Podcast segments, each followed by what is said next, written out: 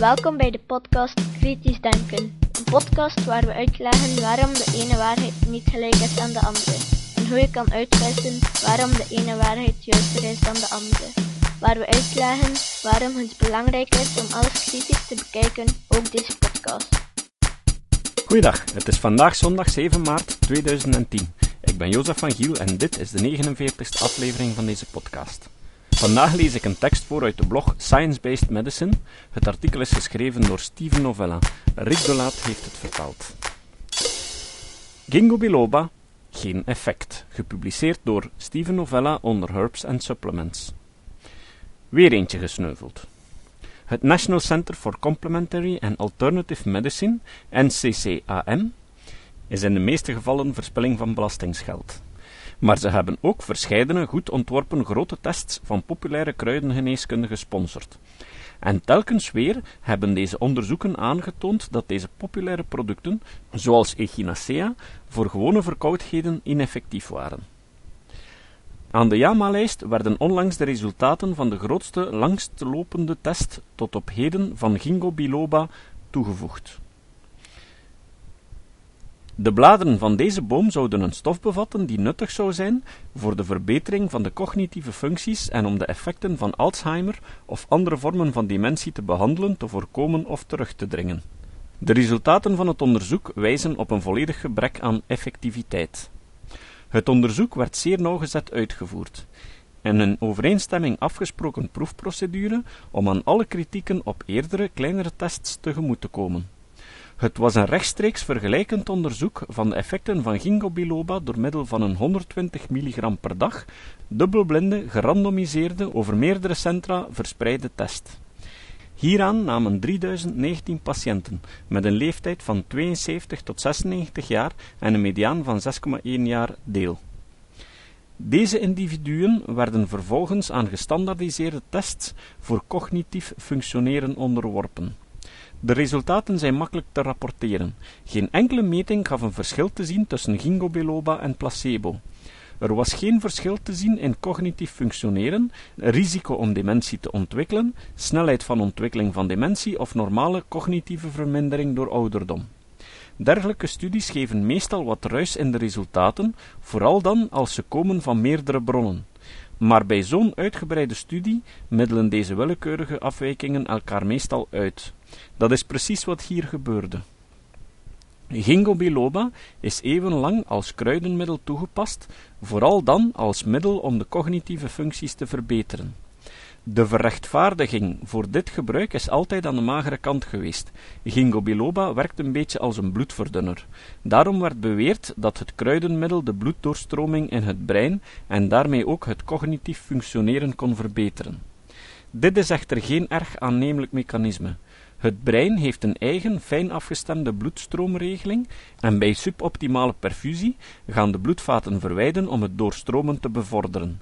Deze zelfregulatie kan niet verbeterd worden door milde bloedverdunning bij een gezond individu. Bij iemand met ernstige arteriosclerose of vernauwing van de bloedvaten, zodat de zelfregulatie van de bloedstroom niet meer in staat is om het hersenweefsel van voldoende bloed te kunnen voorzien, kunnen er symptomen van hersenbloeding optreden. In dat geval kan een bloedverdunner de doorbloeding verbeteren en meestal wordt dan medicatie zoals aspirine voorgeschreven. Dit houdt natuurlijk in dat, als eenvoudig bloedverdunnende cognitieve functies kon verbeteren, aspirine een effectiever middel zou zijn dan ginkgo biloba. In elk geval was het vermeende mechanisme nooit erg plausibel. Recente studies hebben ook uitgewezen dat ginkgo biloba wat antioxidant-eigenschappen heeft. Antioxidanten hebben nooit enig effect laten zien als middel voor beter cognitief functioneren of enige andere klinische toepassing. Hier ontbreekt het dus eveneens aan plausibiliteit. Er werd wel aangetoond dat ginkgo biloba amyloïdaggregatie kan tegengaan. Amyloïdplakjes ontstaan in de neuronen van patiënten met Alzheimer. Dit zou dus een mogelijk mechanisme kunnen zijn om het vertragen van het voortschrijden van sommige vormen van dementie te verklaren. Door het recente onderzoek weten we nu echter dat dat geen enkel meetbaar klinisch effect heeft. Uit deze studie en het ontbreken van effect van ginkgo biloba kunnen nu de nodige lessen getrokken worden. Historisch gebruik van een kruidenmiddel is geen voldoende bewijs voor zijn effectiviteit. Voorlopige Kleine of slecht ontworpen studies zijn onbetrouwbaar en resulteren vaak in vals positieven. Alleen grote, definitieve tests zijn betrouwbaar.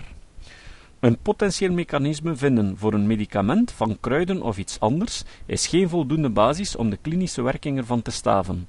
Je hebt klinische tests op mensen nodig om de beweringen hard te maken. Het is ook zo dat, als onderzoekers op zoek gaan naar mogelijke mechanismen om de vermeende werking van een geneesmiddel of een voedingssupplement te verklaren, het geen verwondering hoeft te wekken als ze met iets op de proppen komen. Geneesmiddelen hebben vaak allerlei biochemische werking en het is dus niet uitzonderlijk als ze een effect ontdekken. Je hebt ook nog het bevestigingsvooroordeel en het filedrawer-effect, leidend tot de neiging om interessante en positieve resultaten te publiceren en negatieve niet. Als besluit aan alle oude wijsheid, kleine studies en vermeende mechanismen heb je niets. Ze worden allemaal van tafel geveegd door een uitgebreid en vlekkeloos uitgevoerd onderzoek dat aantoont dat ginkgo biloba geen meetbaar effect heeft op het cognitief functioneren. Door deze resultaten wordt in vraag gesteld waarom het in vele landen toegelaten is om farmacologische agentia als ginkgo biloba op de markt te brengen vooraleer hun werking voldoende is vastgesteld. De Europese en VS-markten belopen in de honderden miljoenen dollars per jaar. Het zal interessant zijn om te zien wat er gaat gebeuren na deze studie. Het onderzoek wees uit dat ginkgo biloba veilig was. Er moet echter op gewezen worden dat ginkgo biloba, ook al wordt het in de VS als voedingssupplement verkocht, moet beschouwd worden als een geneesmiddel. Het heeft een anti-bloedplaatjes en bloedverdunnend effect en mag dus niet voor een heelkundig ingrijpen worden ingenomen. Doordat veel mensen kruiden beschouwen als een voedingssupplement en niet als een geneesmiddel, vergeten ze het gebruik ervan aan hun huisarts te melden en dokters laten dus vaak na het gebruik van voedingssupplementen in hun dossiers op te nemen. Daardoor is de veiligheid ervan niet gegarandeerd. Kruiden waren en zijn nog steeds een waardevolle bron van farmacologische agentia, maar de praktijk ze te reguleren en te gebruiken als voedingssupplement vertoont gebreken, zoals deze studie van Ginkgo biloba maar weer eens aantoont. Actueel Vandaag opnieuw actualiteitsnieuws over de chiropractors contra Simon Sain. Volgend artikel komt uit The Guardian. Het is vertaald door niemand minder dan Rick de Laat. Chiropractici hebben zichzelf de das omgedaan door Simon Singh aan te klagen. 1 op 4 Britse chiropractici wordt geconfronteerd met een gerechtelijk onderzoek als gevolg van de campagne van Singh's supporters. Door Martin Robbins. Terwijl de zaak van de British Chiropractic Association tegen Simon Singh zijn gerechtelijk verloop neemt, zijn de chiropractici bezig met het afwegen van de pijnlijke financiële gevolgen van hun aanklacht, die de Lord Chief Justice verbijsterd heeft. Wat begon als een discussie tussen de BCA en een wetenschapsschrijver over vrije meningsuiting, eindigt als een uiterst effectieve campagne om een hele bedrijvigheid te hervormen. Van niet minder dan 1 op 4 chiropractici wordt nu nagegaan of ze ongefundeerde beweringen hebben gemaakt in hun advertenties. Dit gebaseerd op cijfers van de General Chiropractic Council. Deze raad, die instaat voor het reguleren van het beroep en 2400 chiropractici als lid heeft, heeft me laten weten dat ze zes nieuwe medewerkers heeft moeten aanwerven om de vijftienvoudige toename in klachten tegen hun leden te behandelen. Van 40 per jaar naar 600. Ze wilden geen data kwijt over de werkelijke kosten van de gevolgen van hun actie. Maar het is makkelijk na te gaan dat het bedrag voor de extra medewerkers wel in de honderdduizenden pond zal lopen, om nog te zwijgen van de extra kosten voor de hoorzittingen wegens klachten over foute behandelingen. Alle klachten komen van een eigenaardigheid in de regelgeving, aangetoond door blogger Allen Hennis. Hij merkte op dat de regels, die de raad aan de chiropractici oplegde, inhielden dat ze geen claims zouden maken die regels van de Advertising Standard Authority, de reclamecontrole, overtraden. Dit instituut had vroeger al een aantal chiropractici bekritiseerd, omdat ze beweerden dat chiropractie de meest uiteenlopende kwalen kon behandelen, gaande van leermoeilijkheden tot artritis. Deze werkwijze werd door een groot aantal campagnedeelnemers gebruikt. Ze hebben samen de hele BCA-ledenlijst afgewerkt elk lid opgegoogeld en nagegaan waar hun claims in tegenspraak waren met de regelgeving van de reclamecontrole. In enkele weken tijd werden klachten tegen 600 chiropractici ingediend. Tot de klaarblijkelijke verlegenheid van de BCA vielen een aantal leden van het bestuur hier ook onder. Terwijl de professionele vereniging er tenminste in publiek het zwijgen toe doen, zijn er een aantal e-mails uitgelekt die een vermoeden geven van paniek die deze campagne in het wereldje heeft veroorzaakt. Juni vorig jaar stuurde de McTimothy Chiropractic Association een uitzonderlijk verzoek naar haar 800 leden als antwoord op wat we beschouwen als een heksenjacht op de chiropractici. Als je een website hebt, sluit ze nu af. Verwijder in je kliniek of op enige andere locatie alle blauwe MCA McTimothy Chiropractic Association folders met patiënteninformatie evenals eigen folders met je persoonlijke contactdata waarin je beweert whiplash, kolieken of andere kinderziekten te behandelen. Gebruik ze niet meer tot nader bericht. Privaat klaagden veel chiropractici over de handelswijzen van de BCA, General Chiropractic Council en andere professionele associaties tijdens het voorbije jaar en legden de schuld van de crisis bij hen. Ze zegden dat de pogingen van de vereniging om een vorm van alternatieve geneeskunde te medicaliseren een averechts effect hebben gehad. Een van hen merkte op: Ik ben er zeker van dat als de heisa voorbij is, de BCA, een hoop leden gaat verliezen. Simon Singh vervolgen was erger dan enig Streisand effect en chiropractici weten het en kunnen er niks aan doen. Verdere kritiek werd gericht op de manier waarop de BCA het bewijsmateriaal heeft voorgesteld, vooral dan hun claim dat er een overvloed aan bewijsmateriaal bestond over de effectiviteit van chiropractie bij het behandelen van verschillende kinderziekten. Vorig jaar, toen aan de BCA gevraagd werd om in een wetenschappelijk debat te treden over hun positie, openbaarde de vereniging hun overvloed aan bewijsmateriaal. Het document, dat gedragen werd door slechts 29 citaten, werd op minder dan 24 uur na publicatie door bloggers onderuit gehaald. En daarna nog eens in het British Medical Journal.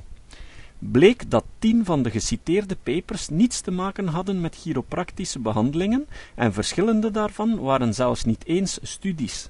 De rest bestond uit een klein aantal onderzoeken van minderwaardige kwaliteit. Ernstiger was dat de BCA het publiek misleid had door een paper, een Cochrane-overzicht dat de effectiviteit van de verschillende behandelingen van bedwater met elkaar vergeleek, verkeerd voor te stellen. De auteurs waren tot het besluit gekomen dat er zwak bewijsmateriaal was dat pleitte voor het gebruik van chiropractie. Het volledige citaat gaat als volgt. Er was wat bewijsmateriaal dat pleitte voor het gebruik van hypnose, psychotherapie, acupunctuur en chiropractie, maar het kwam in elk geval uit kleinschalig onderzoek van dubieuze methodologische nauwgezetheid. Nu heeft zelfs de General Chiropractic Council afstand genomen van de claims van de BCA, dezelfde claims die aan de basis liggen van de aanklacht tegen Simon Singh. In een nieuw verslag werd getracht klaarheid te brengen over welke beweringen chiropractici wel of niet mogen maken, ondersteund door een systematisch overzicht van het bewijsmateriaal. Meer specifiek besluit het rapport dat er geen voldoende bewijsmateriaal kon worden gevonden dat aantoont dat chiropractische behandelingen van kolieken bij kinderen, bedwateren, oorinfecties of astma effectief zouden zijn. Net die beweringen waarvoor Simon Singh werd vervolgd omdat hij ze als nep omschreef. Welke ook de uiteindelijke uitslag is van de wettelijke stappen van de BCA tegen Singh, en ik zou er nog eens op willen aandringen om de online petitie voor libel reform om wetenschappelijk auteurs zoals Simon Singh te ondersteunen, te ondertekenen. Eén ding is duidelijk. Door een populaire schrijver voor de rechter te slepen, heeft de BCA niet alleen in het eigen financiële vlees gesneden, maar ook nog in dat van hun hele bedrijvigheid. Het is een les voor andere professionele verenigingen die eraan denken om in de toekomst gelijkaardige stappen te ondernemen. Martin Robbins schrijft voor The Lay Scientist. Het citaat. Het citaat van vandaag komt van Baruch Spinoza. In Ethica, deel 4, schreef Spinoza: Iets kan zowel goed, slecht of geen van beide zijn. Muziek is bijvoorbeeld goed voor iemand in een melancholische bui, slecht voor diegene die rouwt, en de dove maakt het niets uit. Tot de volgende keer.